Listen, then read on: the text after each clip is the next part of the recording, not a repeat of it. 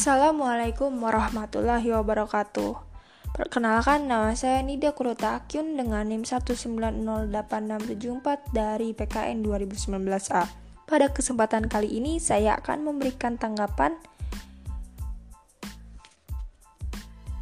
untuk kelompok 1 yaitu tentang kemiskinan dan kejahatan, studi kasus dan analisis kausalitas kemiskinan dan kejahatan dalam perspektif kriminologi yang disusun oleh Diksi Inka Pradana, Nandang Sidik Hidayat, Nita Raspinia, Teddy Eza Mulyadi, dan Vanisha Aprilia.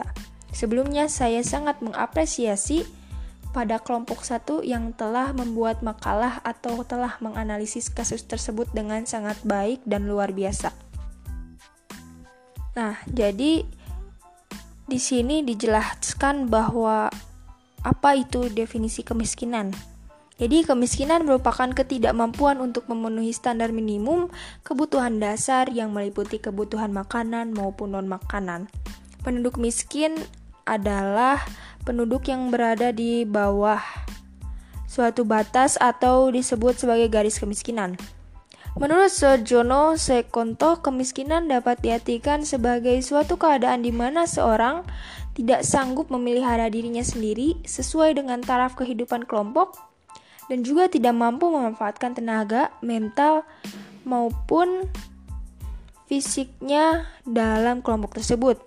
Sedangkan menurut Ferdman, kemiskinan adalah ketidaksamaan kesempatan untuk men formulasikan kekuasaan sosial berupa aser, sumber keuangan, organisasi sosial politik, jaringan sosial, barang atau jasa, pengetahuan dan keterampilan, serta informasi. Secara kondisi keseluruhan artinya kemiskinan merupakan suatu kondisi di mana seseorang tidak dapat memenuhi kebutuhannya dengan baik.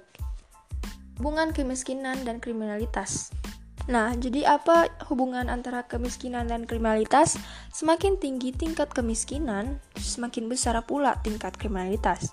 Kondisi hidup miskin cenderung menjadi orang lebih berani melakukan tindakan kejahatan karena hal itu terdorong dari kekurangan hidupnya yang serba kekurangan, sehingga mereka tidak berpikir panjang sebelum melakukan sesuatu perbuatan. Mengapa kemiskinan kadang dikaitkan dengan tindak kejahatan? Nah, jadi dari berbagai kasus lain sering sekali kita lihat sehingga kita terbimbing kepada pola pikir bahwa kemiskinan adalah salah satu penyebab timbulnya kejahatan. Hal itu terjadi karena penghasilan dan pengeluaran tidak seimbang. Kebutuhan mereka lebih besar daripada penghasilan yang mereka dapatkan, sehingga mereka akan mencari jalan yang mudah atau jalan pintas, yaitu dengan mencuri. Mengapa kemiskinan dapat berpengaruh terhadap tingkat kriminalitas di masyarakat? Jadi kemiskinan menyebabkan orang-orang tidak dapat memperoleh pendidikan yang layak sehingga kualitas hidup yang rendah. Selain itu kemiskinan menyebabkan mereka melakukan tindakan yang melanggar norma dan nilai. Penduduk tergolong miskin inilah yang memiliki peluang besar untuk melakukan kejahatan. Ada beberapa teori-teori kemiskinan dan kejahatan. Jadi, menurut Soeharto, dalam memahami kemiskinan terdapat dua paradigma atau teori besar grand teori, yaitu paradigma neoliberal dan sosial demokrasi. Beberapa teori mengenai kejahatan menurut Kartini Kartono dalam bukunya Patologi Sosial yaitu yang pertama ada teori teologis, menyatakan kriminalitas sebagai perbuatan dosa yang jahat sifatnya. Yang kedua, teori filsafat tentang manusia menyebutkan adanya dialektika antara pribadi atau personal jasmani dan pribadi rohani. Yang ketiga, ada teori kemauan sendiri, menyatakan bahwa manusia itu bisa bebas menurut kemauannya. Dan yang terakhir ada teori penyakit jiwa, menyebutkan adanya kelainan-kelainan yang bersifat psikis sehingga individu yang berkelainan individu sering melakukan kejahatan-kejahatan. Dan yang terakhir ada teori fisiologis.